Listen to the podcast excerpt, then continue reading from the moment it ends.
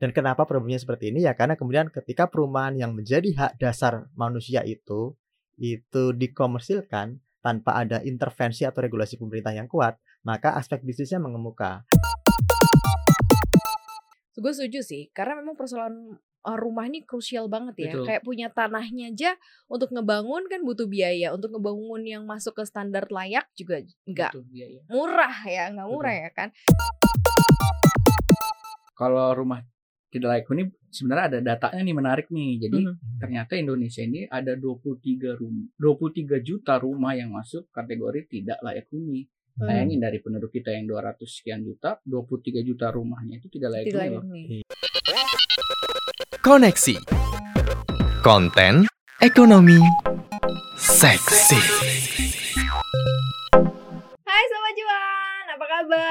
Selamat datang di podcast Cuap Cuap Cuan. Semoga Sobat Cuan dalam kondisi selalu sehat-sehat ya.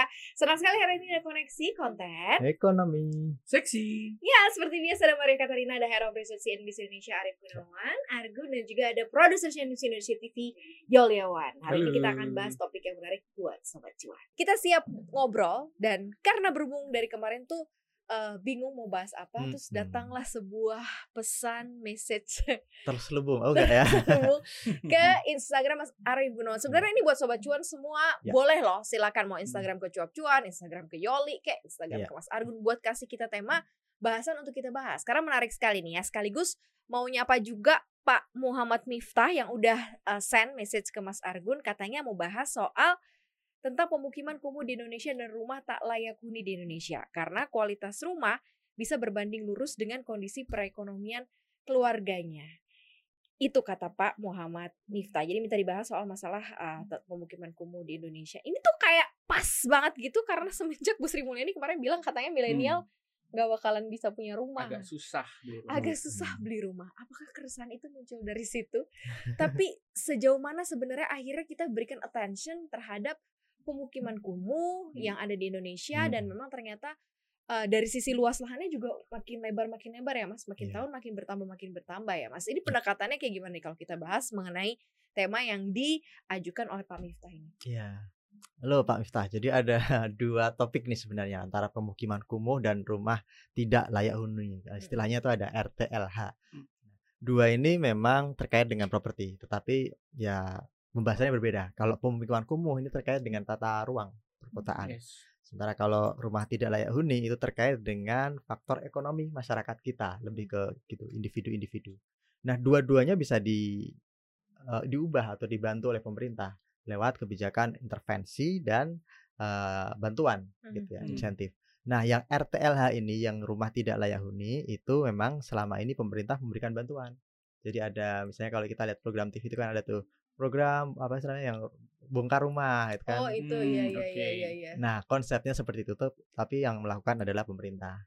Jadi itu memang seperti sinterklas. kriterianya deh mas kriterianya dulu rumah RTLH rumah tak layak huni sama yang satu lagi pemukiman Ya. kumuh ya kalau mungkin kalau pemukiman, ke pemukiman kumuh yang sering kita lihat kali ya kayak di bawah Hmm. jembatan gitu nggak sih bantaran kali gitu-gitu ya kalau rumah tak layak huni nih yang kayak gimana masuknya Oke, kalau rumah tidak layak huni itu sudah ada aturannya sebenarnya. Untuk pendefinisiannya pun sudah Hmm. ada. Ada peraturan Menteri eh, Pekerjaan Umum dan Perumahan Rakyat eh, nomor 7 tahun 2018 itu. Dia menyebutkan bahwa eh, ada tiga, ada dua kualitas eh, yang bisa me- membuat kita bisa mendefinisikan ini rumah R- tidak layak huni atau layak huni. Hmm. Nah, yang pertama itu kualitas fisik sama kualitas fasilitas yang rumah ada di situ. Kualitas fisik itu apa? Lantainya, kemudian eh, dindingnya dan atapnya. Itu konstruksinya seperti apa? Bahannya seperti apa? Hmm. Mohon maaf kalau rumahnya dari bambu gitu ya atau dari triplek. Nah, itu jelas tidak memenuhi kriteria untuk dinding karena dinding kan standarnya tembok gitu Iya. kan, gipsum dan sebagainya. Dan kedua kualitas fasilitas rumah. Jadi fasilitas rumahnya itu udah cukup nggak ada penerangan nggak, Hmm. ada sanitasinya nggak, MCK-nya nggak. Hmm. Kemudian yang terpenting eh, ada eh, kemampuan untuk menahan gempa. Yes. Gitu. Nah ini yang sering kita abaikan. Jadi mungkin rumah-rumah yang kita miliki atau mungkin kita lihat di sekitar kita kelihatannya udah bagus, Hmm. tetapi konstruksinya ternyata belum tahan gempa sebenarnya. Nah itu sebenarnya bisa dianggap sebagai kategori rumah tidak layak huni. Kenapa ini perlu di apa ya diingatkan? Karena ya mohon maaf kita harus belajar dari pengalaman. dulu pernah ada gempa Jogja tragedi ya di Mhm, Jogja tahun mhm. 2006 ada 71.000 rumah rusak total. Hmm. dan korban meninggalnya 6.000 kemudian korban luka-luka yang luka berat maupun yang sedang yang sampai cacat itu ada ratusan ribu. Dan inilah yang akan ditanggung oleh masyarakat risiko ini. Kalau rumahnya ternyata tidak layak huni dari sisi tadi kekuatan gempa. Nah gimana kekuatan gempanya yang diukur? Dari minimal minimal ya minimal Hmm. kedalaman fondasinya. Jadi Hmm. minimal berapa ada? 6 atau 7 eh, puluh cm itu saya saya Hmm. lupa tapi ada ketentuannya yang diatur dan standar-standar itu seharusnya dipenuhi oleh rumah-rumah di Indonesia. Kalau tidak, maka terkategori rumah tidak layak huni meskipun kelihatannya bagus. Meskipun kelihatannya bagus tapi berdasarkan syaratnya nggak memasuk apa tidak masuk ke dalam kategori dan syarat itu gitu Iya. ya. Kalau lu ngeliatnya kayak gimana sih? Maksudnya Nah, kalau rumah tidak layak huni sebenarnya ada datanya nih menarik nih. Jadi Mhm. ternyata Indonesia ini ada 23 rumah 23 juta rumah yang masuk kategori tidak layak huni. Hmm. Bayangin dari penduduk kita yang 200 sekian juta, 23 juta rumahnya itu tidak layak huni loh. Iya. Dan menarikkan ya, 10,6 jutanya itu atau 45% itu ada di perkotaan dan sisanya 55% di pedesaan. Jadi kalau ada orang yang bilang, "Ah, rumah tak layak huni banyaknya mungkin di desa." Oh, enggak juga. Hmm, hmm. 45% ternyata banyak juga di perkotaan. Nah, ini kan berarti menjadi Mhm. PR besar loh buat buat Iya. kita semua gitu. Mungkin eh, oke lah kumuh ma- masalah tata kota, tapi kan kalau layak huni bener yang tadi Mas Argun bilang kualitasnya gimana Hmm. gitu, Hmm. sanitasinya gimana, Ya. temboknya gimana. Soalnya rumah itu kan ya perlindungan kita dong. Hmm. Layak huni berarti ya dia bisa melindungi kita secara sepenuhnya mungkin dari gempa, dari hujan atau banjir dan sebagainya. Dan Betul. sebagainya kayak gitu sih. bentuk perhatian yang harus diberikan oleh pemerintah seperti apa? Karena eh, yang aku tahu nih Hmm. biasanya mereka membangun ya karena ada lahan nih kosong, Hmm. terus izinnya juga mungkin nggak ada IMB-nya atau apa ya udah mereka main bangun-bangun aja, Iya. beranak pinak di situ, Nah. meluas di situ, ya akhirnya nggak apa namanya nggak ya nggak bisa diusir juga Iya. karena Nah. bingung situasionalnya. Ini kayak satu contoh di wilayah daerah eh, pemukiman KAI yang kita Hmm. tahu nih di Ya. Manggarai Bukit Duri itu adalah kompleks KAI yang once kalau misalnya mau digusur harusnya mereka bisa tapi yang terjadi di sana adalah mereka udah beranak pinak Yes. gitu rata-rata nggak ada yang punya surat izin eh, apa surat eh, hak milik di situ Ya. nggak ada dan rumah-rumahnya begitu mas sangat masif kan susah juga gimana cara memperbaikinya dan bentuk perhatiannya juga harus kayak gimana gitu Ya. Nah, kalau itu sudah masuk ke pembahasan mengenai pemukiman kumuh. Yes. Hmm. Jadi ada karakteristik eh, pemukiman kumuh itu biasanya terjadi di perkotaan dan itu ada di lahan yang statusnya bukan milik. Jadi hak guna bangunan. tapi rumahnya juga rumah tak layak huni semua rata-rata Iya. juga mas Pasti, pasti. Heeh, karena itu ya itu orang yang menyerobot kadang Iya. menyerobot atau dia sewa dari orang artinya Hmm. dia tidak memiliki kemampuan ekonomi untuk membeli tanah atau membangun rumah dan dia memakai jalan shortcut untuk memiliki space tanahnya itu dan kemudian ya dengan dana yang tersedia seadanya dia membangun rumah dan itu tidak eh, memasuki kat- masuk kategori eh, layak huni gitu akhirnya dan ini kalau kemudian ber berjalan secara eksponensial banyak orang melakukan hal yang sama maka terciptalah pemukiman kumuh di situ karena Hmm. itu mereka asal serobot biasanya kemudian ya kemudian tidak ada IMB tidak ada eh, apa namanya pemilikan tanah Hmm. hanya hak guna bangunan atau Hmm. kalau di di Yogyakarta itu istilahnya mager sari kalau mager sari ini memang tidak ada HGB tetapi dia dapat izin dari keraton kalau di Hmm. Jogja kan eh, istimewa ya jadi Hmm. tanah Iya, itu iya, milik iya. keraton Mhm. kalau warga ingin menghuni di situ ya hanya apa ya itu statusnya jadi mager sari ada beberapa ketentuan yang harus dipatuhi tetapi mereka tidak memiliki tanah itu nah karakteristik inilah yang ada banyak ditemukan di kampung di perkotaan gitu Hmm. karena mereka ini pendatang dari luar datang ke kota hanya untuk mengadu nasib pendapatannya tidak tentu karena mereka kerja di sektor informal beda sama misalnya uh, Yoli misalnya Yoli kan pekerja tetap dia Mhm. memiliki pemasukan yang lebih teratur dan itu bisa dipakai untuk membangun atau membeli rumah yang layak huni tetapi banyak saudara-saudara kita yang tidak seberuntung itu gitu dan inilah yang menjadi problem di Indonesia karena perekonomian kita memang ya belum uh, equal sekali belum menciptakan Yes. equality Indonesia. Mhm. Kalau ini kita lebih fokusnya ke mana sih? Kita lebih fokus kepada perapihannya atau merapihkan ini eh, mereka-mereka yang tinggal di pemukiman penuh apa namanya Hmm. kumuh dan mereka-mereka yang rumahnya memang tidak layak huni untuk kemudian diperbaiki diberi perhatian penuh atau seperti apa kalau yang lo lihat? Karena kan ngus- misalnya ngusir nih satu tempat Hmm. atau mau dirapin susah loh mas. Hmm, Iya. Mereka diusir dari satu tempat itu mereka bikin lagi tempat yang baru sama Hmm. bentukannya sama ya kayak gitu-gitu juga. Banyak faktor sih. Ya kayak itu dia. Mungkin awalnya kan ya balik lagi ketersediaan rumah kan ya. Sandang pangan papan. Papan itu kan Hmm. kebutuhan dasar. Itu udah pasti harus dipenuhi semua mas manusia kan.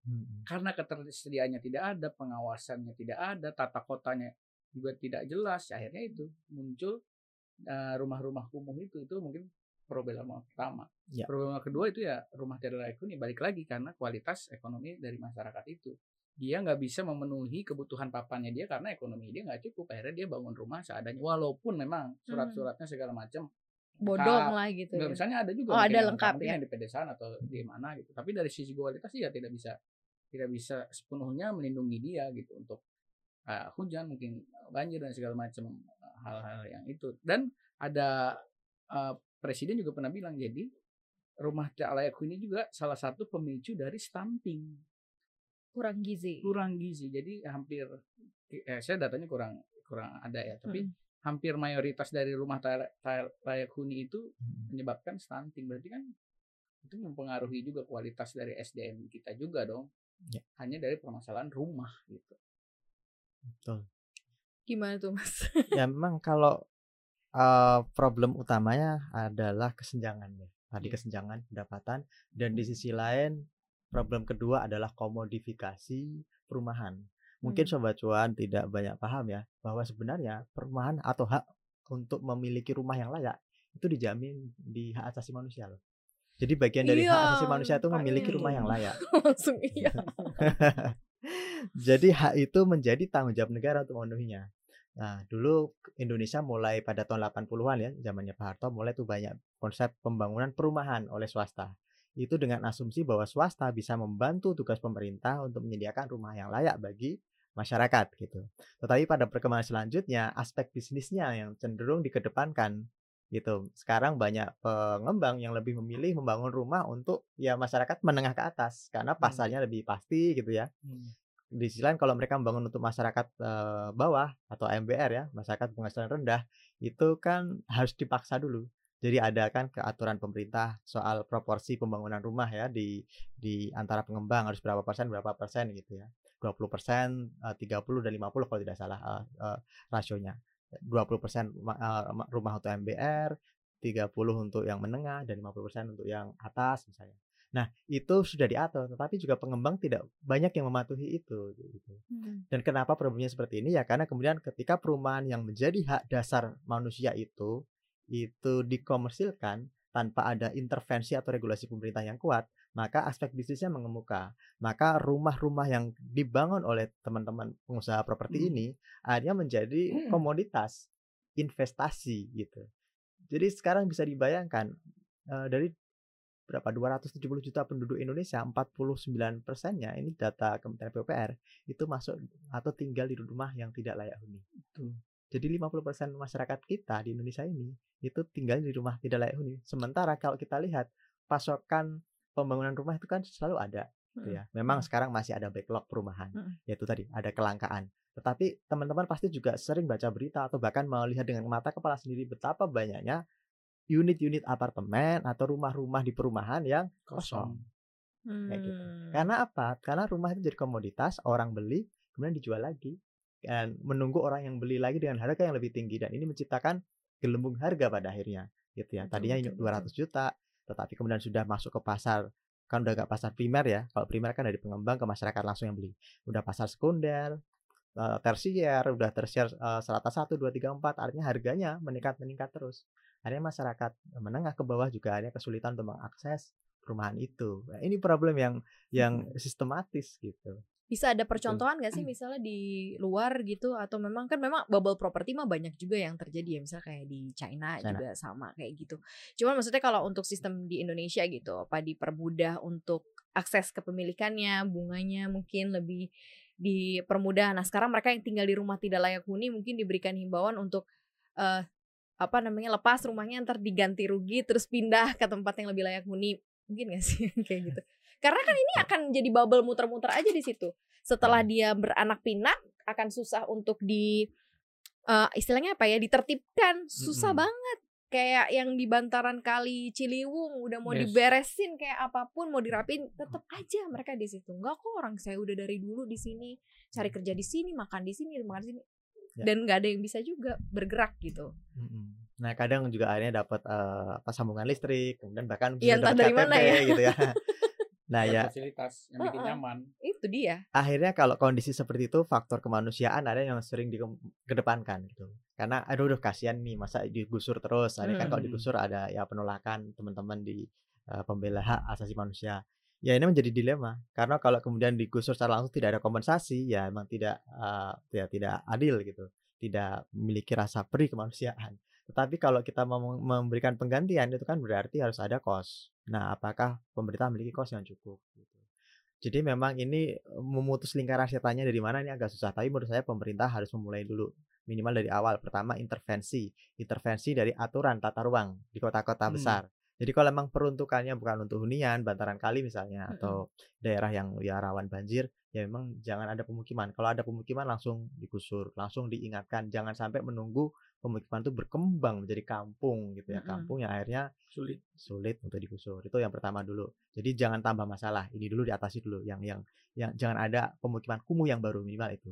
Kemudian yang kedua, kalau RTLH pemerintah sekarang baik loh, udah ada Hmm. alokasi dananya 3, koma berapa tuh? 2 triliun. cara dapetnya gimana Jadi itu ada pendataan verifikasi di desa-desa.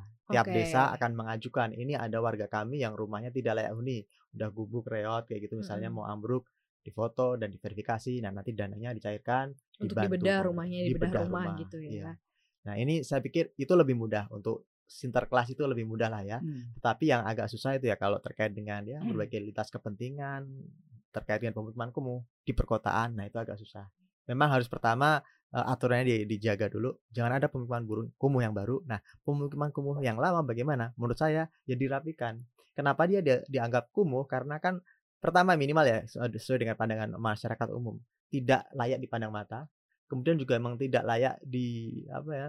Kalau kita berada di sana itu nggak nyaman. Kenapa? Bau sampah di mana-mana Hmm. misalnya tidak beraturan, padat sekali. Nah, hal-hal seperti itu bisa diatasi dengan misalnya kan kemarin di Semarang misalnya itu ya ada kampung pelangi. Mm-mm. Diatur minimal dari penampakannya udah cantik dan sanitasinya di eh, dibereskan. Dan Hmm. kalau sanitasi ini memang juga harus ada kedisiplinan warganya gitu. Hmm. Jadi percuma kalau kemudian dikasih apa tempat sampah atau kemudian eh, tempat pembuangan air, kalau kemudian ya mampet-mampet juga. Jadi ya masyarakat juga harus menjaga lingkungannya mereka sendiri kayak gitu. Kan saya pernah ingat tuh dulu pernah ramai itu ada postingan di di kota mana itu di Je- Jepang. Mm-mm. Itu selokannya jadi tempat ikan, ikan saking bersihnya ya saking, bersihnya. bersihnya Di Semarang ternyata ada gitu. Kemudian di di mana di di Malang kalau tidak salah itu juga ada. Nah, hal-hal kayak gini kalau bisa dijalankan di satu tempat di tempat lain di Indonesia seharusnya juga bisa gitu. Hanya kita harus lebih tertib dari diri sendiri diatur di tingkat warga juga untuk tidak membuang sampah di selokan, untuk membiarkan selokan mengalir deras sehingga apa kedang kedangkalan dan apa namanya itu eh, eh, kepekatan tanahnya dan kotorannya tidak terlalu tinggi seperti itu. Gue setuju sih, karena memang persoalan rumah ini krusial banget ya. Betul. Kayak punya tanahnya aja untuk ngebangun kan butuh biaya. Untuk ngebangun yang masuk ke standar layak juga nggak murah ya, nggak murah ya kan. Mesti juga ada budget ya. Belum lagi ditambah inflasi bahan bangunan dan Hmm. lain-lain. Mahal kayaknya memang susah ya untuk punya rumah di Indonesia ya. ya itu keterjangkauan kita karena inflasi semakin lama kemampuan kita untuk membeli sebuah rumah akan semakin turun itu udah pasti gitu kayak ada contoh ringan deh gitu zaman bokap gue dia mungkin kebeli rumah dia kerja tahun 80-an gitu awal mulai kerja dia kebeli rumah saat usia 20-an zaman Mm-mm. kakak gue dia kerja di tahun 2000-an awal dia kebeli rumah saat usia 30 gimana Hmm. zaman yang anak muda itu kan udah kelihatan 40 enggak. Eh, jangan sampai.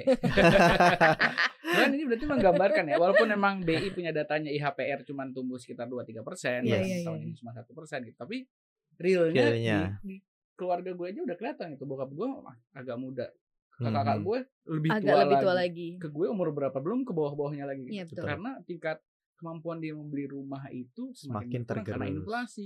Hmm. Mungkin salah satu caranya ya itu rumah-rumah subsidi itu. Cuman kalau bisa ya embel-embel subsidi yang kurang layak itu bisa dihilangkan lah gitu. Karena ada Benar, banyak benar. orang nggak mau subsidi, ah rumahnya kualitasnya kurang oke nih gitu kan. Benar-benar, kadang ini benar-benar. atau jaraknya jauh nggak masuk akal cobalah di marketingin nih pemerintah biar rumah subsidi Betul. lebih oke gitu gue juga mau kalau bisa Eh gue juga subsidi. mau loh. Tetangga dong kita jadi. Tapi emang bener sih, emang itu eh, apa? Mungkin kalau misalnya Hmm. sobat cuan diwarisin rumah, kalau dijual rumah dibeliin rumah lagi gitu. Jangan dibeliin yang lain-lain kan, diwarisin rumah, tinggalin rumahnya, jangan malah dijual Karena lu jadi nggak punya beli rumah. zaman sekarang Ya. Susah, susah banget. Cuman apa yang terjadi di kita ini mungkin sebagai salah satu percontohan karena eh, negaranya negara padat kali ya Mas ya. Persoalan-persoalan yang dialami oleh negara yang berpenduduk padat. Kayak di Hmm. Amerika nih ada salah seorang vlogger juga suka gue nonton di Hmm. YouTube.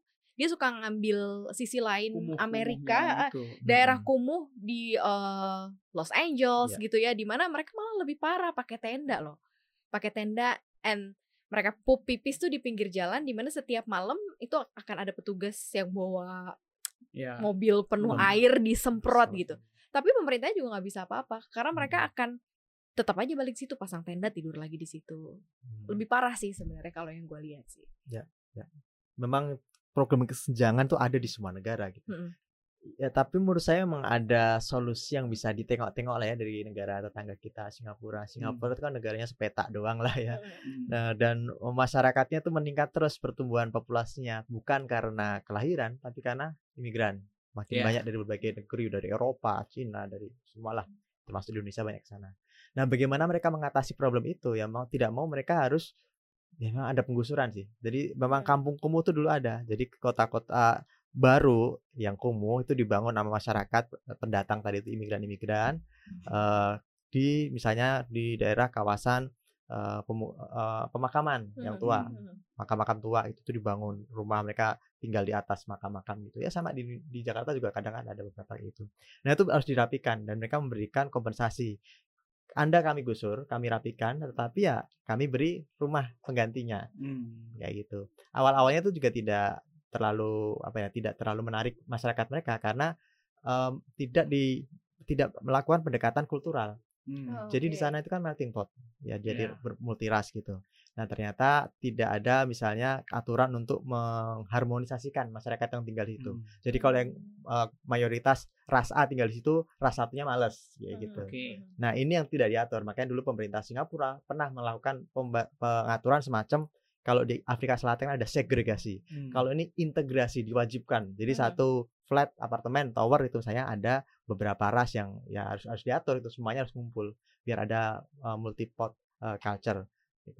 Nah, ini yang mungkin bisa dilakukan oleh pemerintah. Kita harus membangun uh, hunian-hunian public housing seperti di Singapura, tidak memakai uh, dana swasta tapi dana APBN memang dan itu memungkinkan masyarakat tuh memiliki hunian layak. Saya tidak bilang rumah layak. Artinya apa? Kalau rumah itu kan berarti memiliki ya. Ya. Hmm. Kalau hunian kan yang penting eh, dia memiliki tempat untuk bernaung, berlindung dan Betul. itu aman. Hmm. Dan itu sesuai dengan hak asasi manusia tadi, pemukiman dan eh, hunian yang layak. Inilah yang saya pikir eh, perlu dilakukan oleh pemerintah. Rusunawa-rusunawa yang dibangun sekarang semestinya diperbanyak dan melakukan edukasi ke masyarakat bahwa Anda tuh nggak harus punya rumah tapak gitu. Hmm. Karena secara Hmm. teoritis eh, luas lahan di Indonesia itu berapa? Tidak berubah, tidak bertambah, Ya, sementara ya, masyarakatnya ya. bertambah. Kalau semua ingin rumah tapak, ya pasti habis. Hmm. Di Singapura nggak mungkin orang bangun rumah tapak kalau Anda tidak miliarder sekali banyak, gitu ya. ya. Makanya public housing itu artinya masyarakat menengah, masyarakat ke bawah, Ya. mereka Hmm. tinggal di pemukiman vertikal dan ini saya pikir solusi untuk perkotaan. Gitu. Dan mudah-mudahan pemerataan juga ya nggak cuma di kota besar tapi di beberapa kota-kota lain di Indonesia juga melakukan hal yang Hmm. sama ya. Jadi permasalahan kayak gini juga bisa Ya. tuntas. Nah, mudah-mudahan bahasan kita juga menjawab pertanyaan dan kegelisahan kegelisahan Pak Miftah ya, Pak ya. Tapi Mas kalau masih kurang silakan bombardir lagi Mas Argun melalui DM. Is okay. Jadi segitu aja sobat cuan pembahasan koneksi hari ini. Jangan Yes. lupa untuk dengerin konten podcast kita di mana aja. Ya. Ada di Google Podcast, ada di Apple Podcast, ada di Spotify, dan ada di Anchor. Ya, jangan lupa follow akun Instagram kita di @cuap underscore cuan dan subscribe YouTube channel kita di cuap cuap cuan, like, share, komen sebanyak banyaknya. Dan jangan lupa podcast kita hari ini juga tayang loh di CNBC Indonesia. TV. Thank you sobat cuan sehat-sehat terus. Maria Katarina pamit. Argun pamit. Joli pamit. Bye. Bye.